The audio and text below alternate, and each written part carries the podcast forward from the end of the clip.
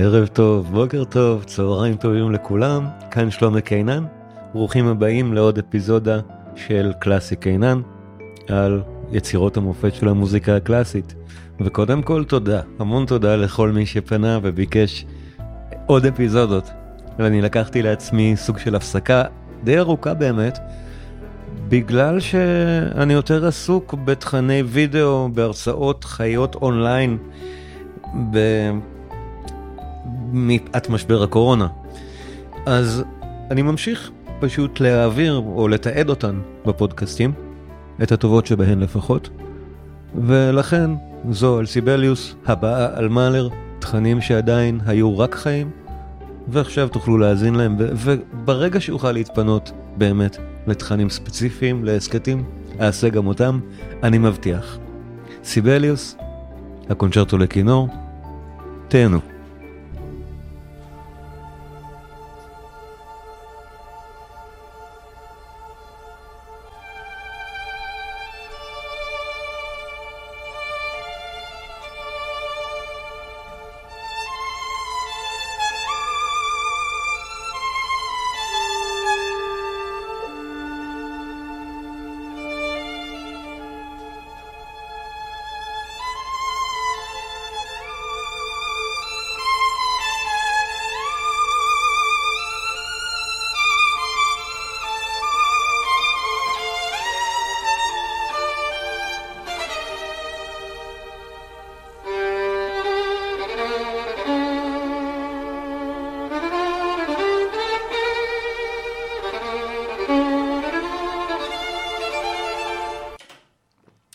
ושוב, כמה שזה יפה, זו פתיחה הרי כל כך יפה, או קסום. בואו נשמע את זה שוב, רק את התווים שפותחים את הקונצ'רטו לכינור של סיבליוס.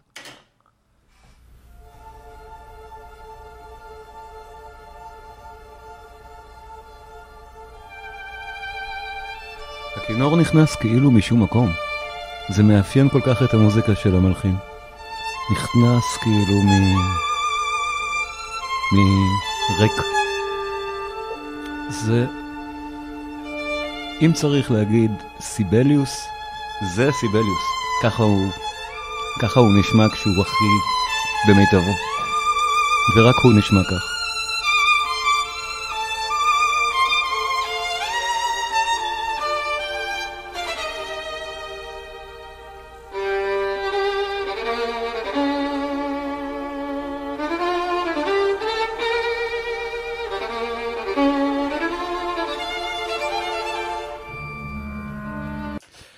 ואנחנו ניכנס לעובי הקורה עוד מעט. ברוכים הבאים, שבת שלום, מוצאי שבת נעימה, אה, לעוד מפגש של אה, חוג בית אונליין, הסלון התרבותי אונליין, והפעם על הקונצ'רטו לכינור של סיבליוס, שבאמת אה, בקונצ'רטי, ה...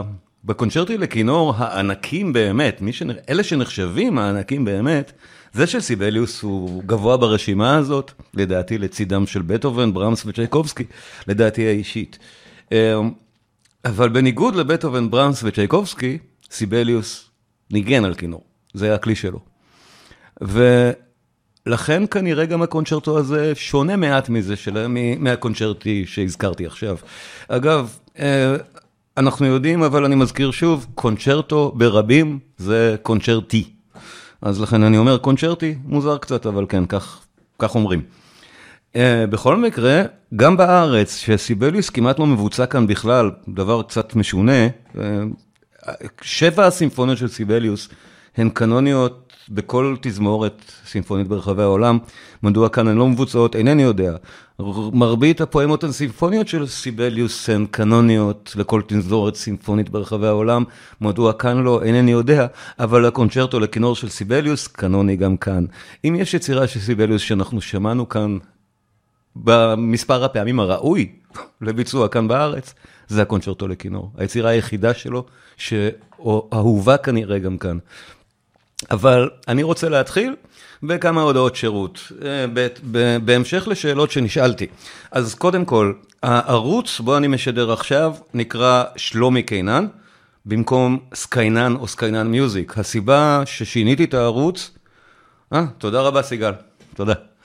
הסיבה ששיניתי את שמו של הערוץ זה שבערוץ הרגיל שלי אני משדר תכנים באנגלית בלבד. אתם מוזמנים לצפות, אבל צופיי דוברי האנגלית לא כל כך אוהבים לשמוע עברית פתאום. אז כן, מה לעשות, ככה זה. אז צריך להפריד את הכוחות האלו, וזה מעתה יהיה ערוץ שמיועד למפגשים, להרצאות, לתכנים שלי בשפה העברית. אה, שאלו גם, מצבור התכנים מתקופת, מהחודשים האחרונים, מחודשי הקורונה, עשיתי 12 מפגשים מהסוג הזה, כולם מתועדים, אבל אני מבין מדוע קשה מעט למצוא אותם, אז אני מיד אראה איפה, איפה אפשר למצוא. אה, אני, אני ארגנתי אותם באתר שנקרא patreon.com, אני כבר מראה אותו.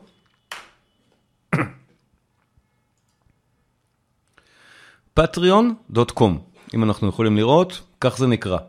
P-A-T-R-E-O-N,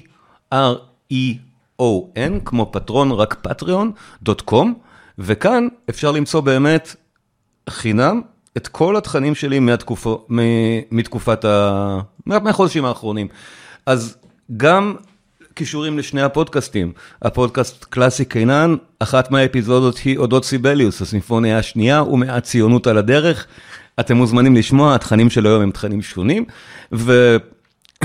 וכל ההרצאות האלה, שלומי קינן על וגנר, מה עולה מוטיב, הסימפוניה הערבית של צ'ייקובסקי, הסימפוניה השישית של צ'ייקובסקי, שוסטקוביץ', שלושה מפגשים, המיתוס על עמדאוס, טוי וחלילה קסם, אה, פול מקארטני מת, המוזיקה הקאמרית של שוברט, ווג'ק יין ומניפסט הומניסטי, שלומי קינן, שוב אני מדבר על באך.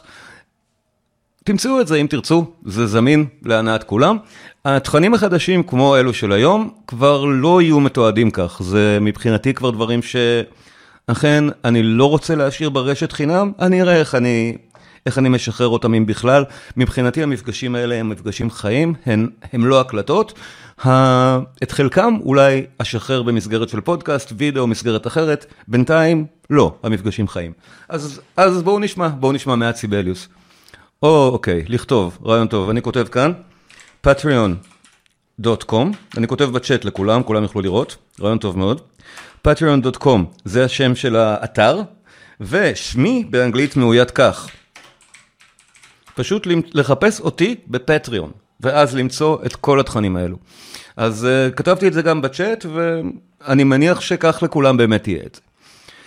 ונתחיל לנושא של היום, הקונצ'רטו לכינור תהיה היצירה המרכזית, ה-featured stuff של, של הערב, אבל לפני זה שני דברים קטנים, פשוט בשביל באמת אה, להתוודע לסיבליוס בכמה דברים יפהפיים שלו. הניתוח של הקונצ'רטו לכינור מבחינתי, כניתוח מוזיקלי, התעסק יותר בניתוח של הקצבים, של הריתמוס שקורה שם, ופחות בניתוח נניח הרמוני או מלודי, כי אני חושב שזה...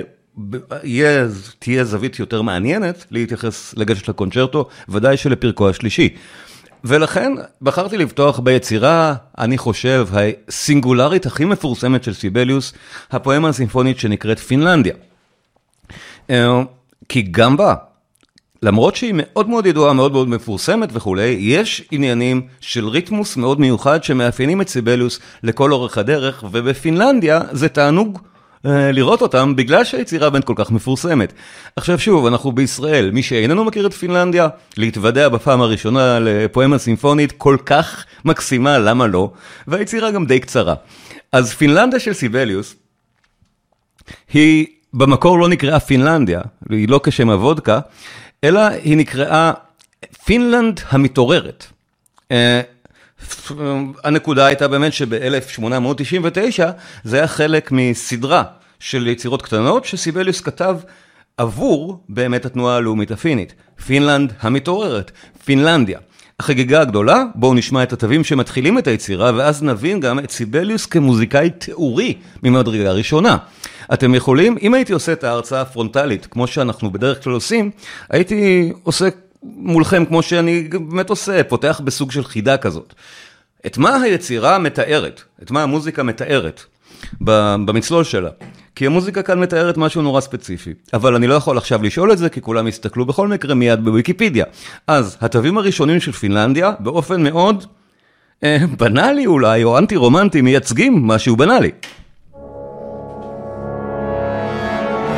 אתם מוזמנים להעלות ניחושים את מה המוזיקה הזו מתארת, בצ'אט.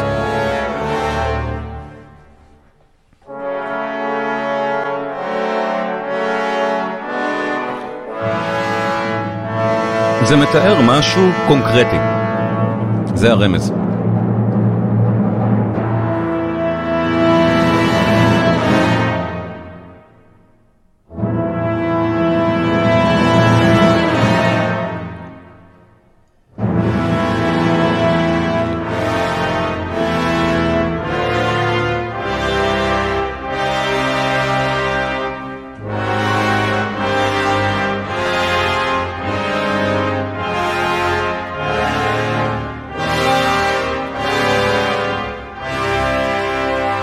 אז על רקע הפסאז' השקט שבא עכשיו, אני אספר. הלסינקי הייתה, או פינלנד כולה, הייתה מדינה כל כך מפגרת, אחרי שאר אירופה ואפילו אחרי סקנדינביה, שהרכבת הראשונה, מסילת הרכבת הראשונה, נחנכה ב-1899, ופינלנדיה מצלצלת כמו הרכבת. שימו לב.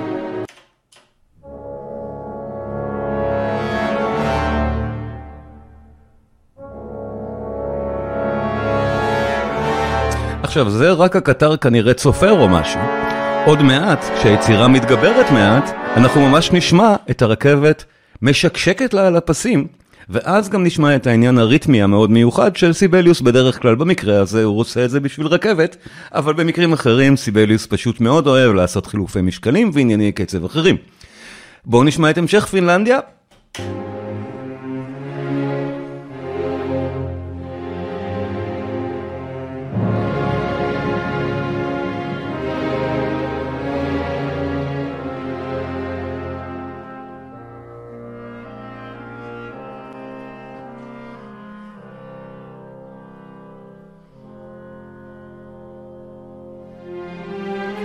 מי שחדש ולא מכיר, התצוגה הגרפית שאנחנו רואים של המוזיקה אמורה לתאר, במקום טיווי שלא כולם קוראים, את הדינמיקה של המוזיקה עצמה, ובה אני גם מסמן נקודות בפרקים שאותם אנחנו מנתחים. זאת אומרת, כאן, כשיהיה העניין הריתמי המיוחד, אני אסמן את זה בנקודות, במין פסים על המסך, אותם תוכלו לראות וכך להבין היכן היו אותן נקודות במוזיקה אליהן התייחסתי.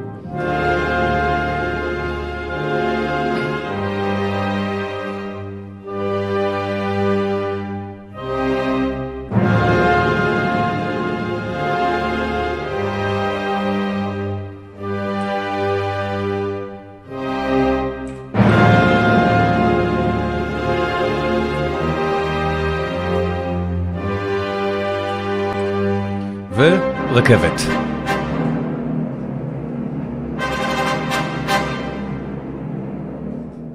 מתחילה לנסוע.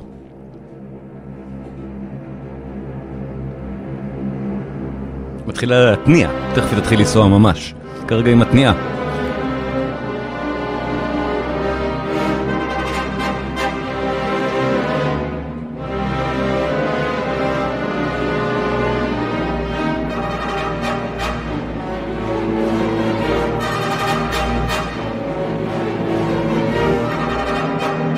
ועכשיו היא תתחיל ממש לנסוע, ופה העניין הריתמי המיוחד.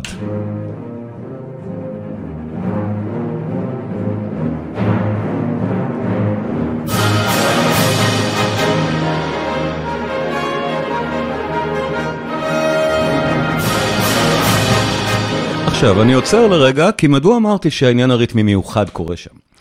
הנקודה שפה אנחנו מתחילים לספור פתאום חמש. הרכבת זזה במין ספירה מעניינת של חמש. עכשיו, היה לי כמה דיונים, נניח בפורומים של מוזיקה קלאסית, עם, אה, עם uh, מאזינים שאינם מוזיקאים, אבל קוראים תווים, ואז הוויכוח הוא שלא, שהקטע איננו כתוב בחמש. זה נכון, בתווים זה כתוב בארבע. כי בתקופה הזאת, בסוף המאה ה-19, עדיין לא היה מקובל לכתוב חמש באמצע יצירה שהיא בארבע. אה, אפשר היה לעשות את זה ועושים, סיבליוס בחר כאן שלא לעשות את זה, עדיין התחושה היא לגמרי של חמישה רבעים במקום ארבעה, חילוף משקלים מאוד בולט ומאוד חריג לתקופה, שקורה כאן ואני אסמן איך. היצירה כולה בארבע. one, two, three, four, one, two, three, four, one, two, three, four, one, two, three, four, one, two, three, four, one, two, three. שימו לב, חמש. one, two, three, four, five, one, two, three, four, five, one, two, three, four, five, one, two, three, four, one, two, three, four, one, two, three, שמנו לב לחמשות האלה שקורות, והן קורות שוב בעוד מקום. שימו לב, הן קורות אחר כך עוד פעם. סיבליוס באופן מאוד עדין, מחליף כאן משקלים באופ... בצורה שלא תפריע למאזין לחשוב שקרה פה משהו מוזר, בניגוד משווע למלחינים שבאו אחר כך, כמו נניח סטרווינסקי כדוגמה מפורסמת, שעשו את הדברים האלה במפגיע בשביל לצרום לנו. סיבליוס עושה את זה כאן כאמצעי אומנותי, ואחר כך, ביצירות יותר מאוחרות, כמו הקונצ'רטו לכינור, בתור אמצעי אומנותי חזק מאוד. בואו נשמע שוב את החמש הזה שמתחיל. שימו לב. 1, 2, 3, 4, 5, 1. 1. ובואו נתענג עד הקורל. בואו נשמע את הרכבת הזאת רצה.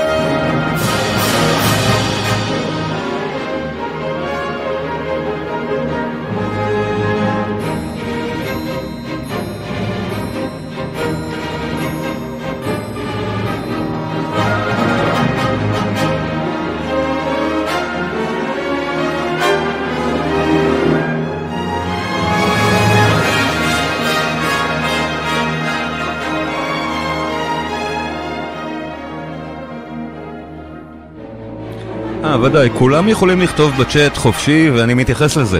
צריך להירשם לשירות בשביל זה, רק להירשם לטוויץ'.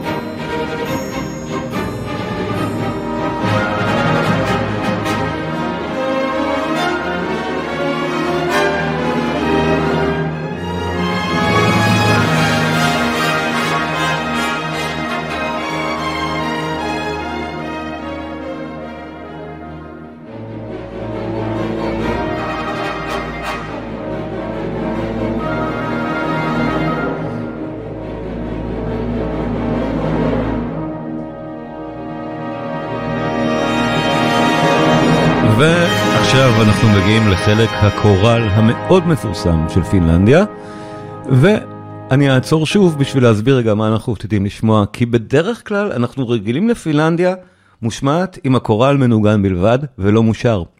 השירה בפינית, וידוע שפינית היא לא שפה מי יודע מה נפוצה, בלשון המעטה. קשה מאוד למצוא זמרים בינלאומיים שאמונים על פינית, ודאי שעד העשורים האחרונים בהם כבר, כן, בשביל ביצוע סיבליוס שרים אותו בפינית. אבל פינלנדיה מסורתית ברחבי העולם בוצעה בלי שירה על חלק הקורל שמסיים אותה. בפינלנד היא מבוצעת עם שירה, ויותר מזה, זה אומנם לא ההמנון הפיני, אבל בבתי ספר בפינלנד עד היום שרים את המנון פינלנדיה, את מה שאנחנו שומעים, נשמע עכשיו, כל בוקר או משהו כזה, בטקסים, בטקסים של בתי ספר, זה כזה. זה לא ההמנון הלאומי, אבל זה די קרוב לשם. אז פינלנדיה הימני, בהקלטה הזאת של סגרסטאם, זאת הקלטה פינית, סגרסטאם עם הלסינקי, אז גם שרים את אותו המנון שאנחנו רגילים לשמוע אותו, לא מושר. השירה לטעמי משגעת, נורא יפה, בואו נשמע את זה.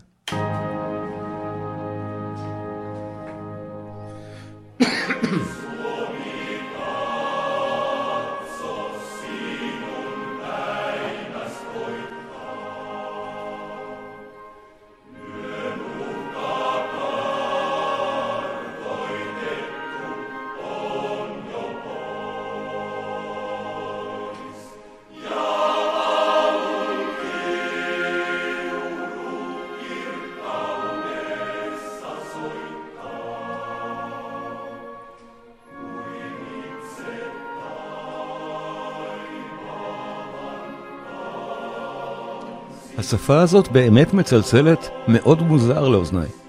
ממש מוזר. אין מה להגיד. היא לא דומה לשום דבר.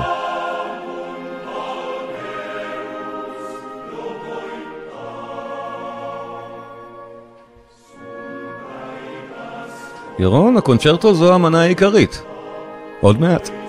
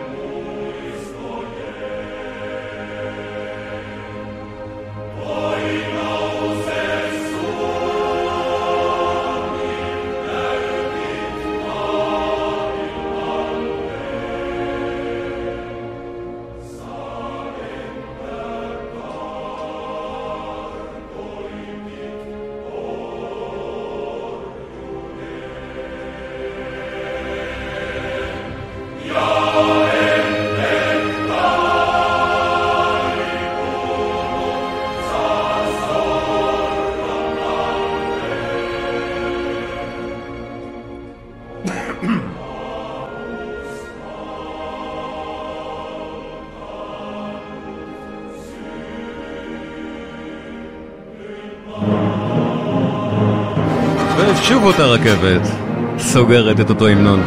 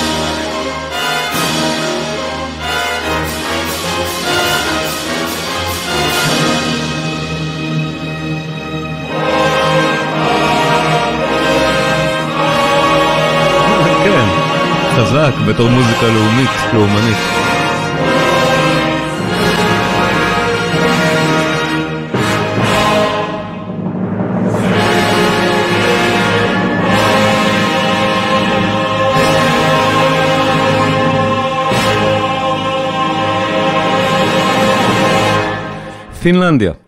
הייתה הזדמנות להשמיע אותה באמת, כי מעולם אני לא חושב שהשמעתי את פינלנדיה בכל המפגשים על סיבליוס, וקצת אה, פדיחה שלי, כי בוא נודה, זו היצירה הכי מפורסמת של המלחין. אה, אבל אכן, זו יצירה קלה יחסית של סיבליוס, ודאי שהיא איננה ממלאה את, ה- את התפקיד של סימפוניה גדולה, או למשל של פואם סימפונית נוספת, שאני רוצה להשמיע עוד לפני הקונצ'רטו, שעניינה סיבליוס כמוזיקאי תיאורי.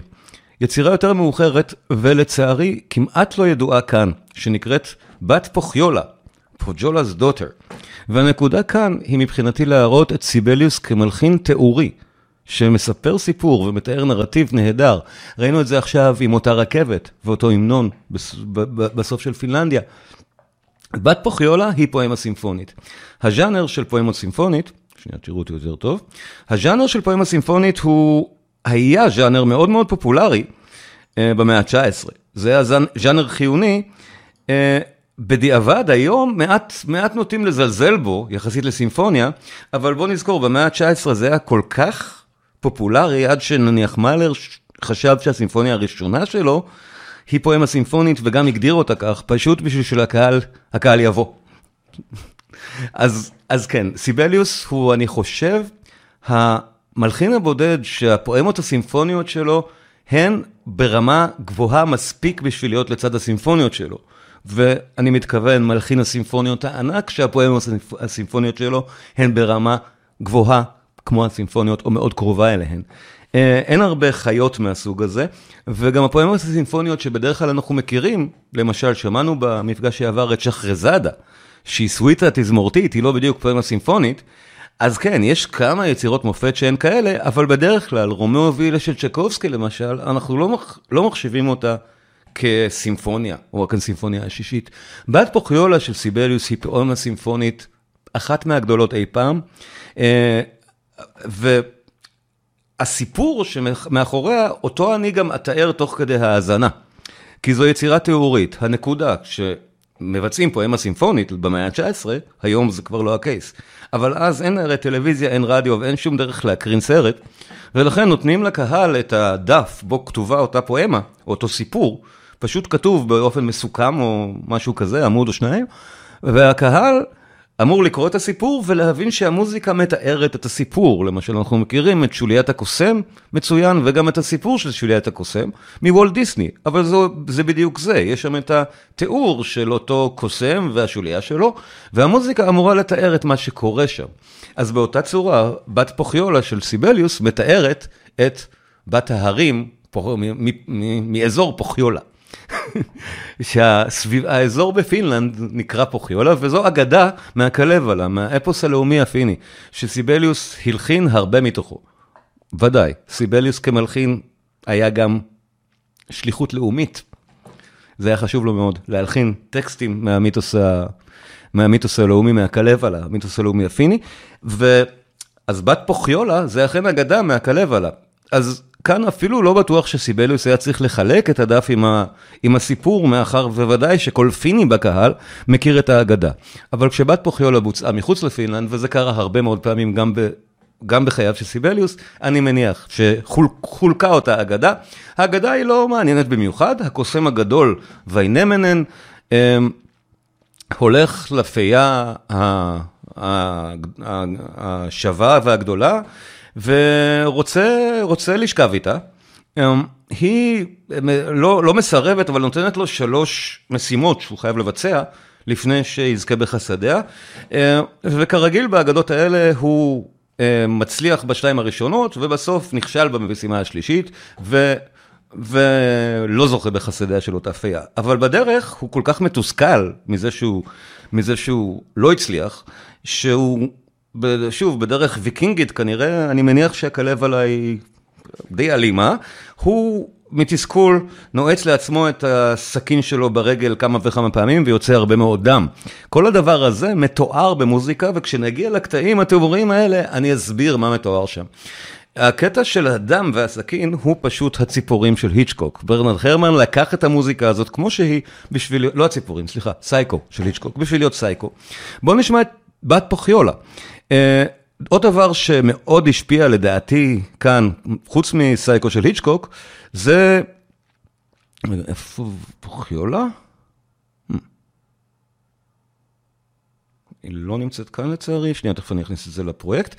אה, בכל מקרה, הדבר, עוד דבר שיש כאן שלדעתי מאוד מזכיר מוזיקה, מוזיקה שקשורה באמת לסרטים או טלוויזיה, זה מוטיב שאומץ למשחקי הכס. אם מי מכם צפה במשחקי הכס, אפשר לזהות את uh, מוטיב, אחד מהמוטיבים המרכזיים של uh, האנשים שנקראים דוטרקי שמה, בתור המוטיב הראשון של, שפותח למעשה את בת פוכיולה. אז אני מתנצל על זה, אנחנו נאזין ליצירה פשוט ולא נראה אותה מול, מול עינינו. אני אציין מה הנקודות, ש... מה הנקודות שאנחנו שומעים, הנקודות הרלוונטיות, תוך כדי האזנה. סליחה על זה. אנחנו מתחילים בבואו של ויינמונן. הקוסם מגיע מתוך המערה שלו או מתוך כל הכשפים שהוא עושה. וזה מה שאנחנו שומעים. המוטיב הזה של הצ'לו הוא יפהפה, וזה המוטיב שלקחו למשחקי הכס.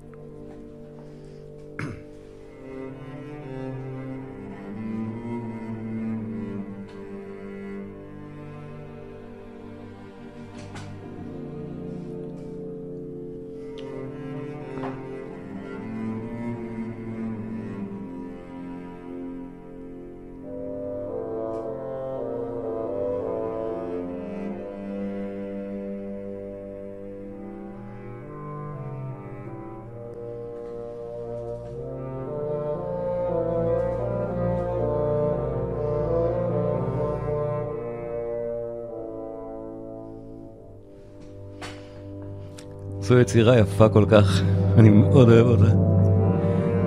ותכף נשמע אותו מתחיל לרכוב, לרכב על הסוס. לרכב לכיוון איפה שהפיה נמצאת, באזור ההרים פחיולה. אז הקצב יתגבר ויתגבר, ואנחנו ממש נשמע את הגלופ של הסוס ושל הקוסם הגדול ויינמונן. ממש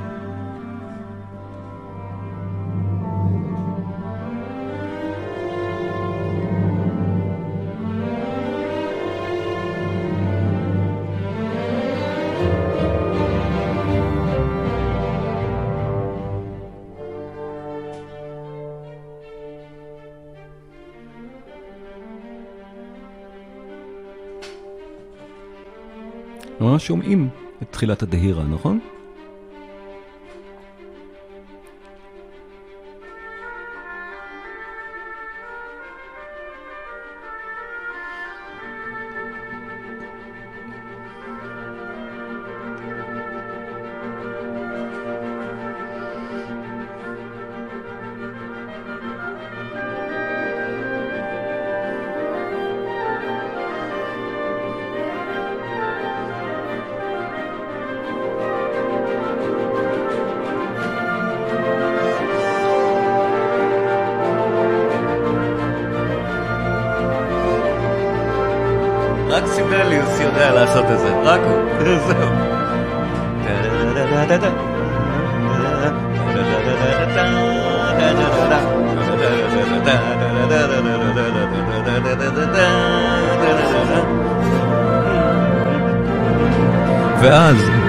הקוסם הגדול ויינמונן מגיע, ויש לו את המוטיב של הקוסם מגיע.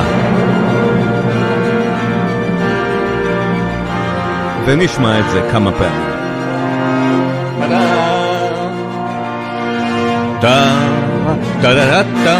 זה הקוסם.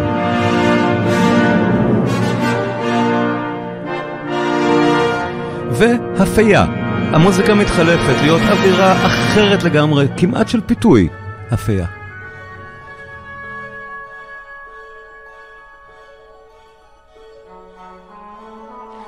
והמוטיב שלה.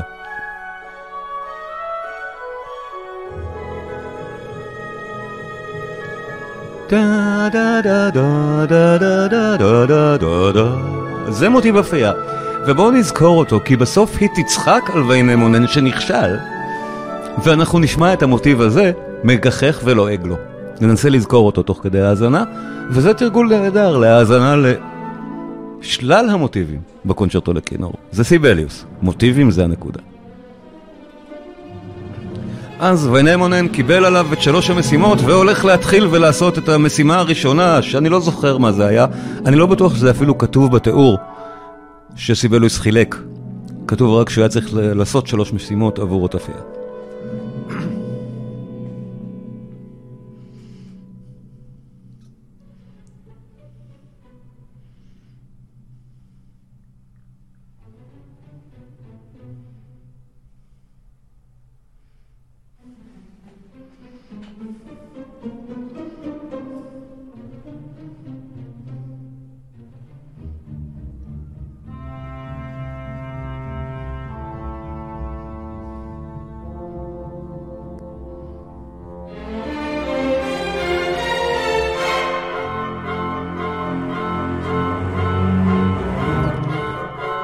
נשמע כבר קצת רומז על איצ'קוק, נכון? קצת רומז משהו פה.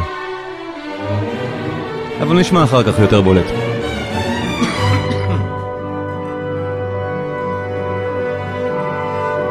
אני מסכים איתך, אני מסכים איתך ניר, הפואמות הסימפוניות של סיבליוס הן למות כמה שהן יפות, באמת ככה. ושוב, שומעים את אותה הפייה עם המוטיב שלה,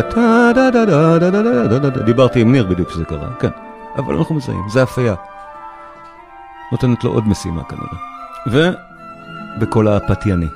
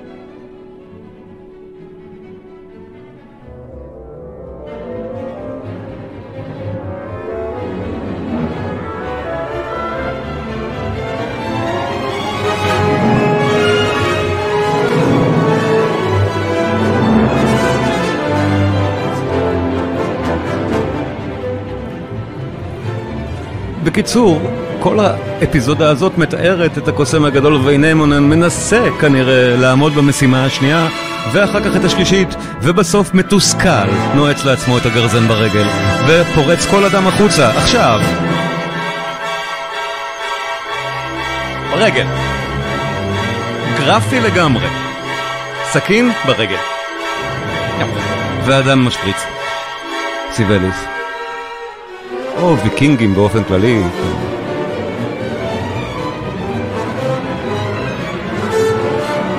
ועכשיו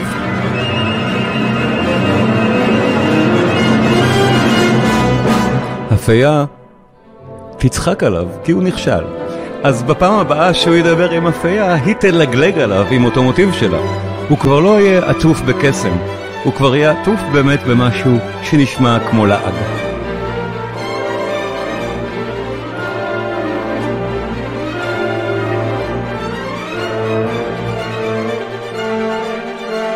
ושוב הוא רוכב אליה. זוכרים את הרכיבה מההתחלה? סיבליוס, המוטיבים שלו תמיד הדוקים לגמרי.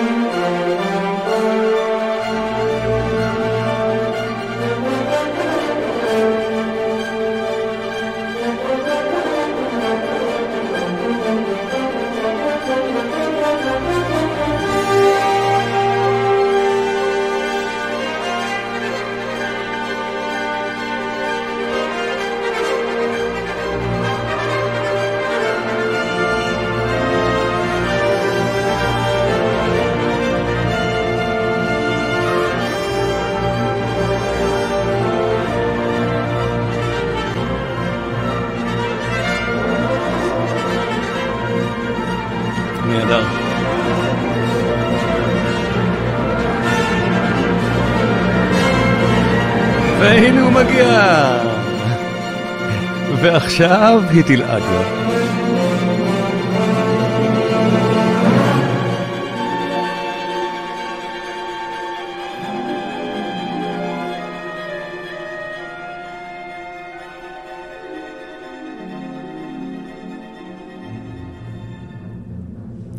ושוב, הקוסם הגדול ויינימונן מגיע באותה הכרזה, כמו בתחילת היצירה ובאמצעה, בתרועה שלו.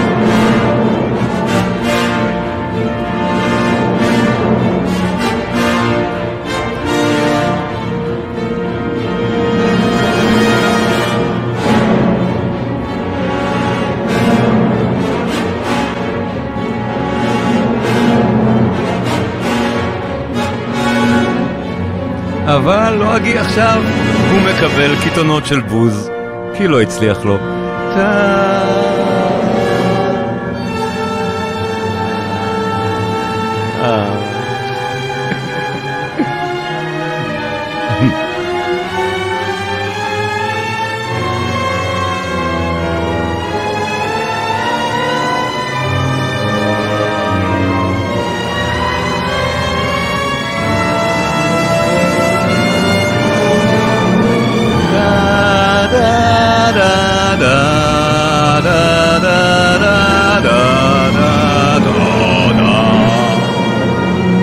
זה הפייה לועגת לו במוטיב של הפיתוי ממקודם.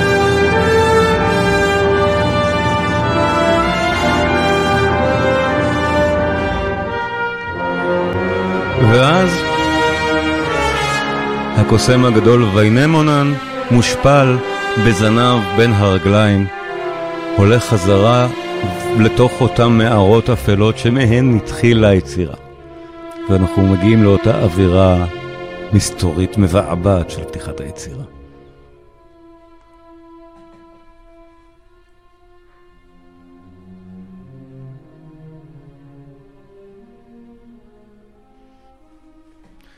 אנחנו ניפגש אחרי עשר דקות הפסקה במנה העיקרית, היא הקונצ'רטו לכינור, ובזמן ההפסקה מוזיקה של סיבליוס, פשוט ליהנות. עשר דקות בדיוק, יהיה גם טיימר על המסך.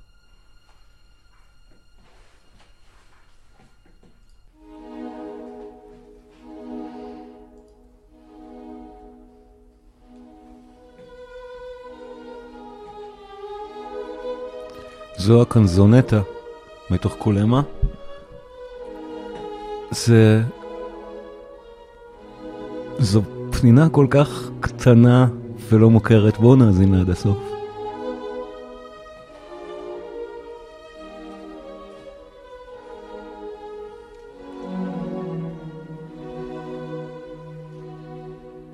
סיבלוס היה אחד מהמתזמרים הנפלאים בהיסטוריה של המוזיקה המערבית. אז אפילו בדבר הקטן הזה הוא מתזמר אותו כל כך אלוהי. יפה כל כך.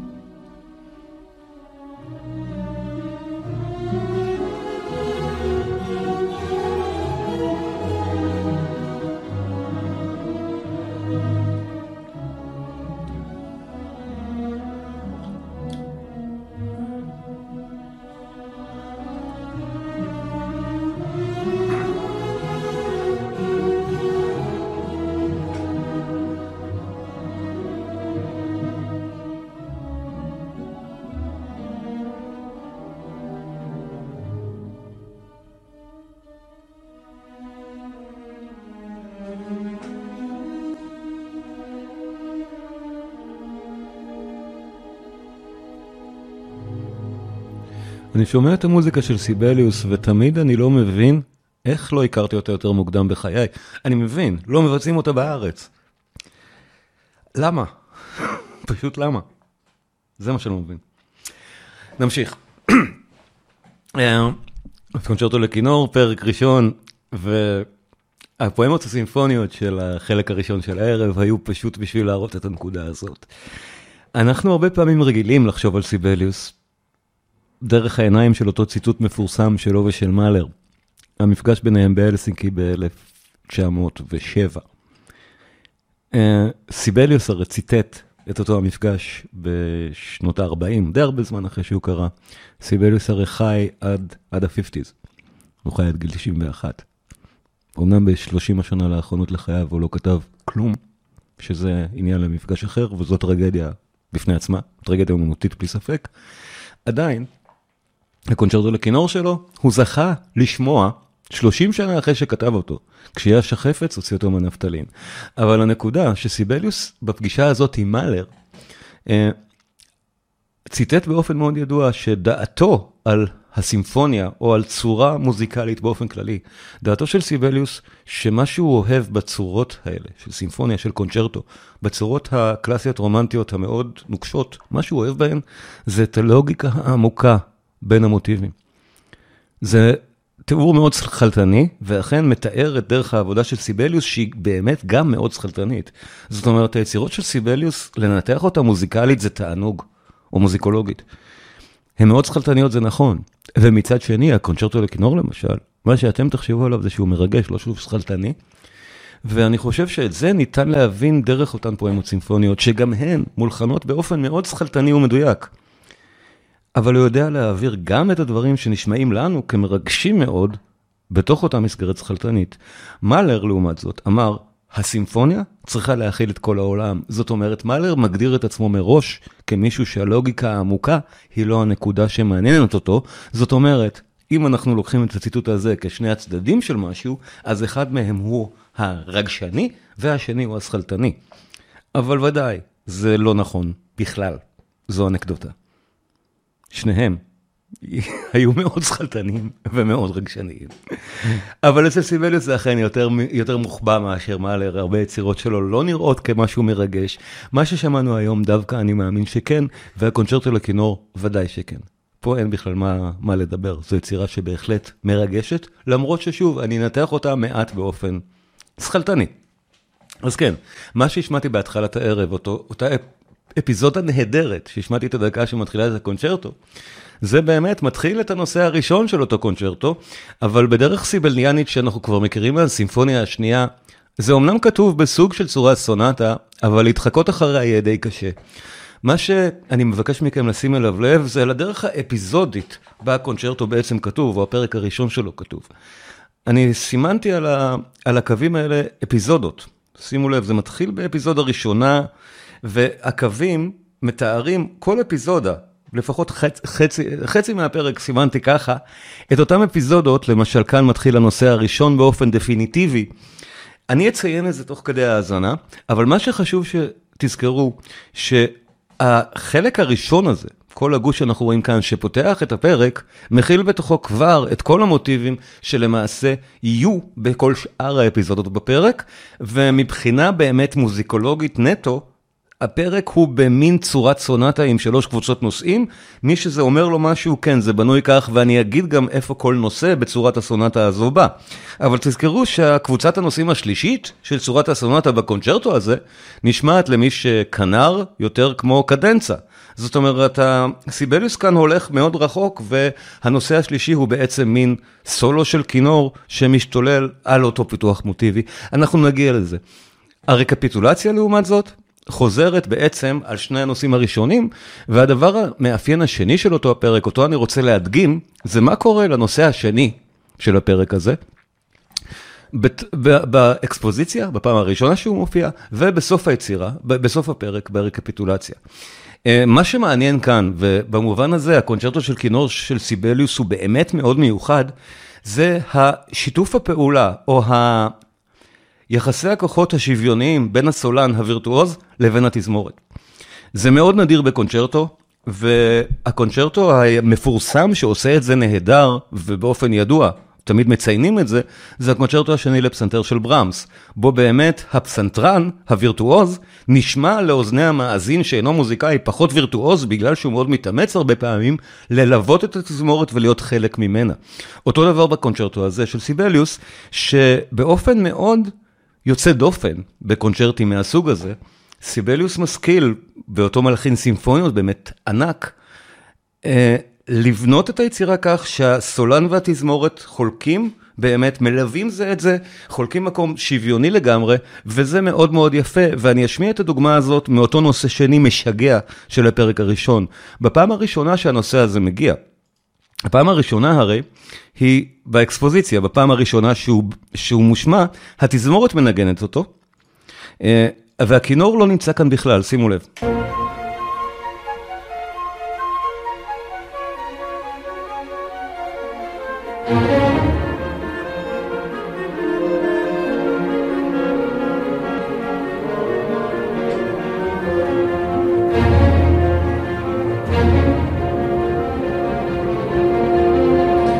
נושא יפהפה. אבל שמנו לב שהכינור לא מנגן אותו בכלל, וזה נושא שני של קונצ'רטו, זה אולי בסדר, אבל ברקפיטולציה, כשהוא חוזר בפעם הבאה, שימו לב שהכינור מלווה מאוד מאוד יפה ומאוד מאוד וירטואוזית את התזמורת.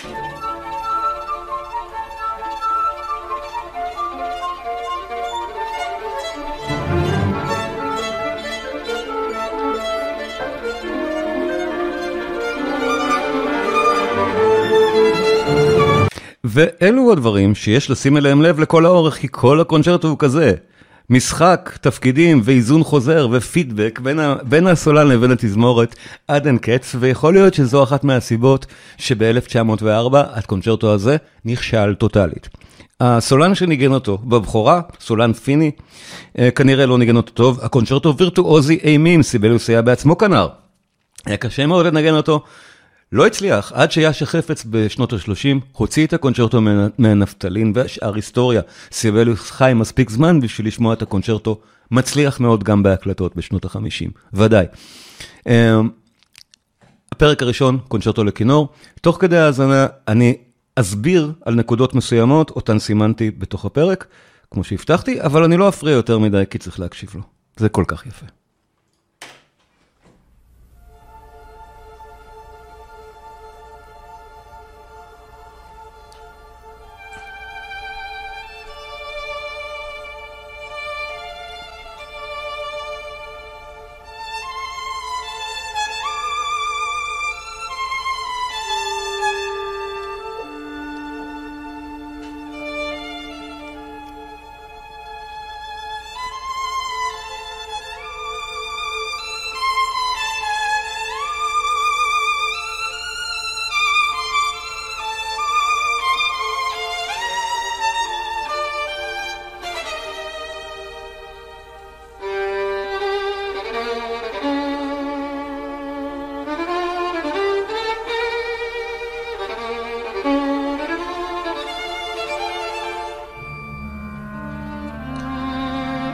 וכבר אנחנו שומעים איך התחלפה לנו כאילו אפיזודה.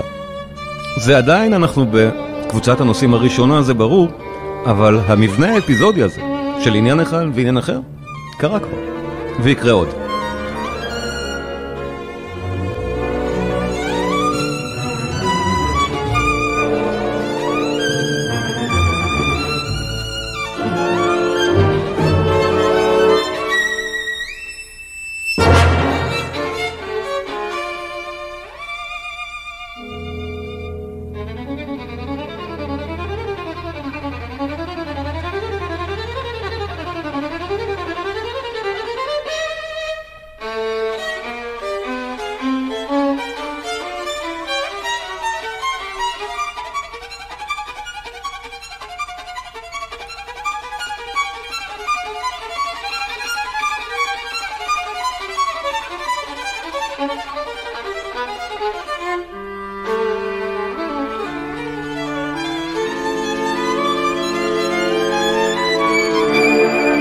עוד אפיזודה שמציגה את החלק מתוך אותו נושא ששמענו עכשיו, שעכשיו מתפקסים בו.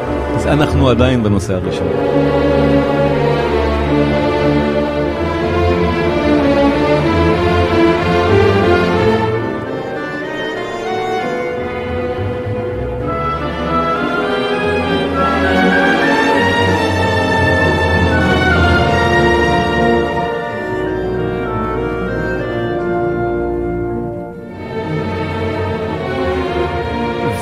והנושא הראשון באופן דפיניטיבי, זו הצורה בה הוא מתפתח עכשיו להיות העניין המלודי המפורסם.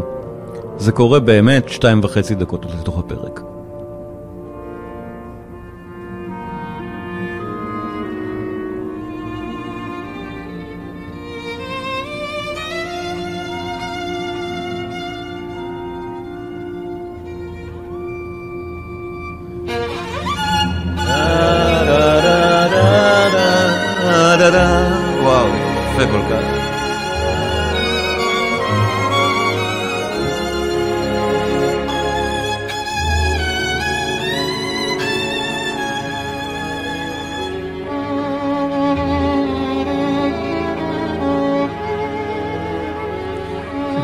מאחורה את ה...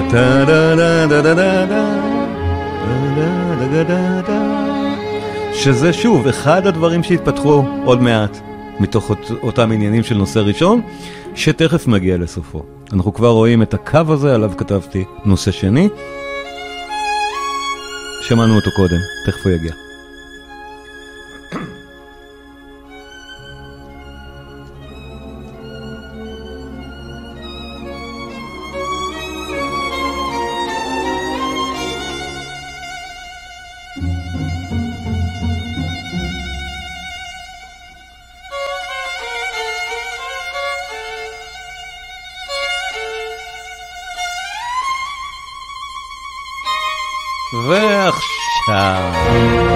כיף. קבוצת הנושאים השנייה, לא הנושא השני, זו קבוצת נושאים.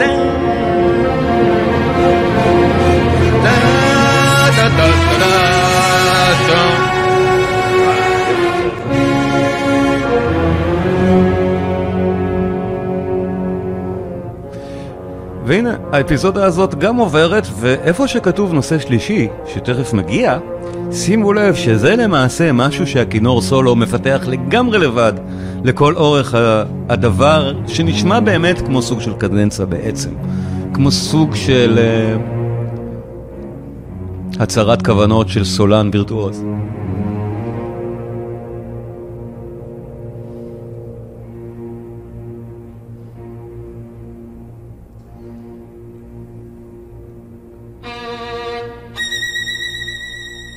ומכאן לא סימנתי יותר.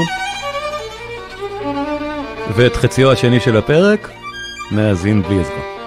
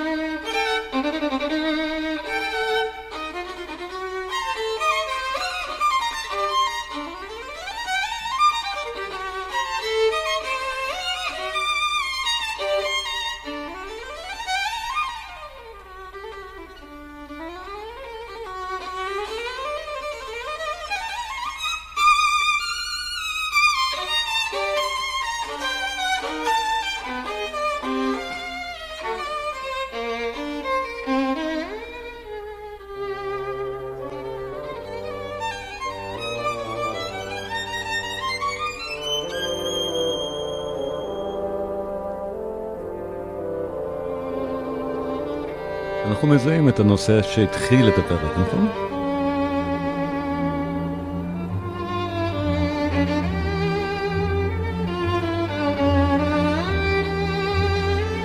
אז כך הגענו בעצם לרקפיטולציה.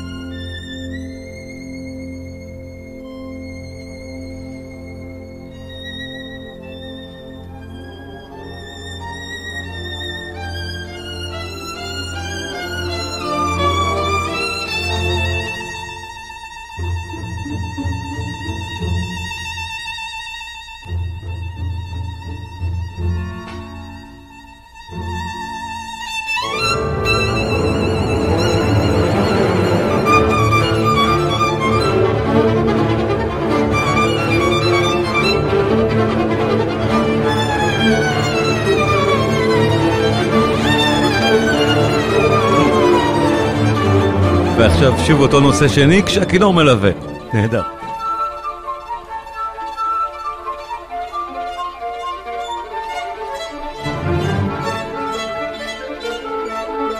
וואו, איזה נגינה זאת. יאללה.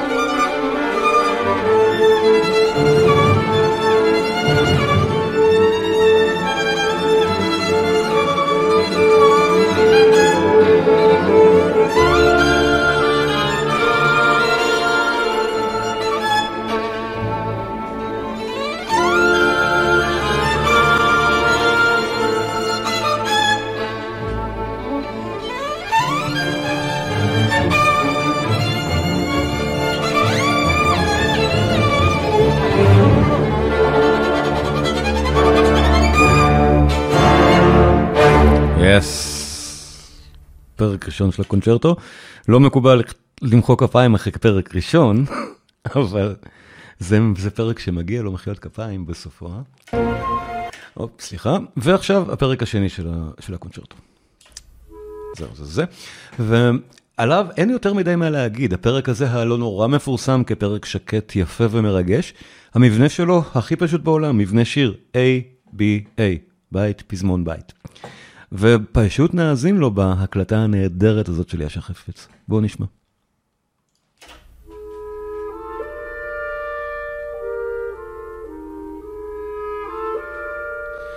משהו כאן במצלמה מטושטש, אני מסדר את זה, לא תראו אותי שתי דקות, סליחה.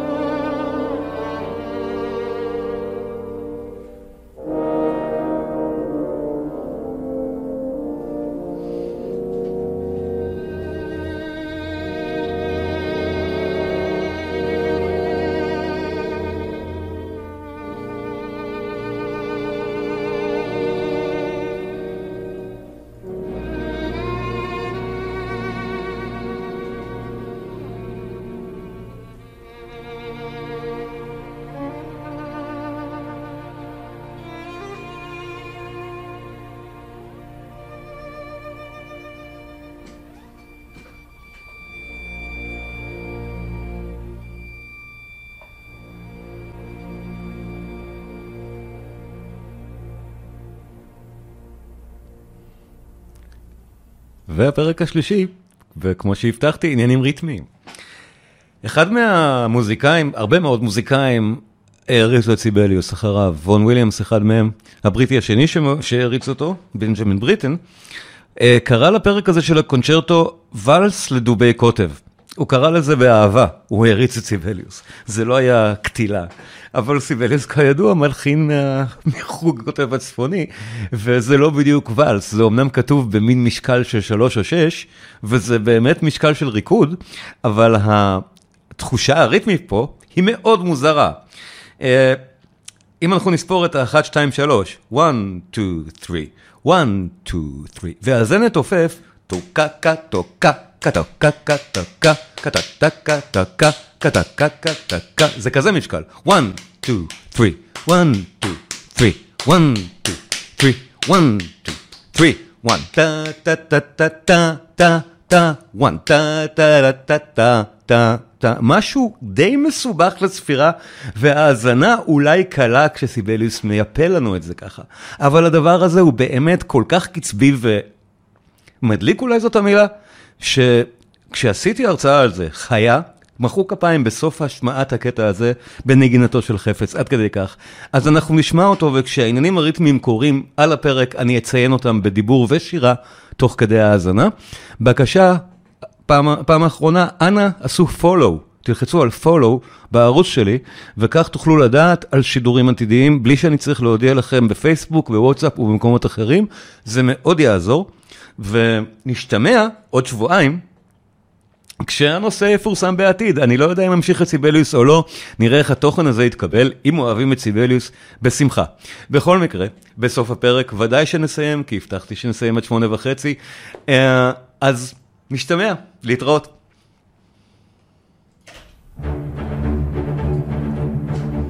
ואלס לדובי קוטב.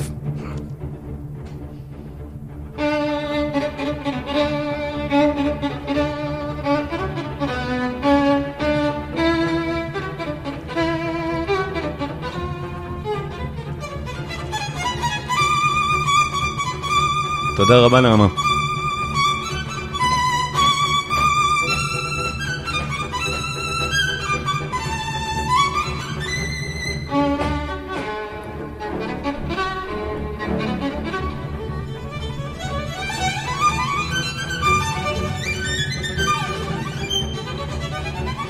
יואו, אני לא כנר, אבל ברור לי שזה מטורף.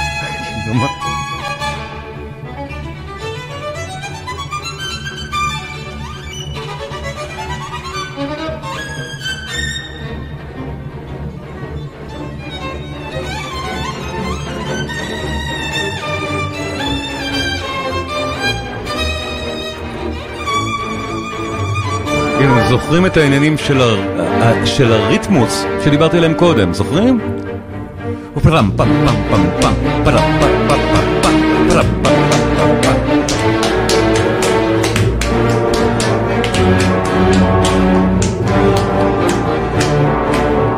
One, two, one, two, one, two, one, one, one, one, two, one, two, one, two, one, one, one. זה כל כך יפה.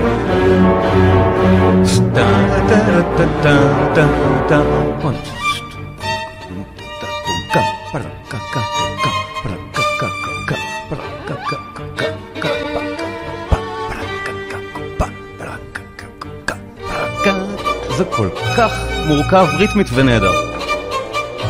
זהו, לא אפריע יותר. וואי, ניר, בשמחה, בשמחה. שלישית נהדרת.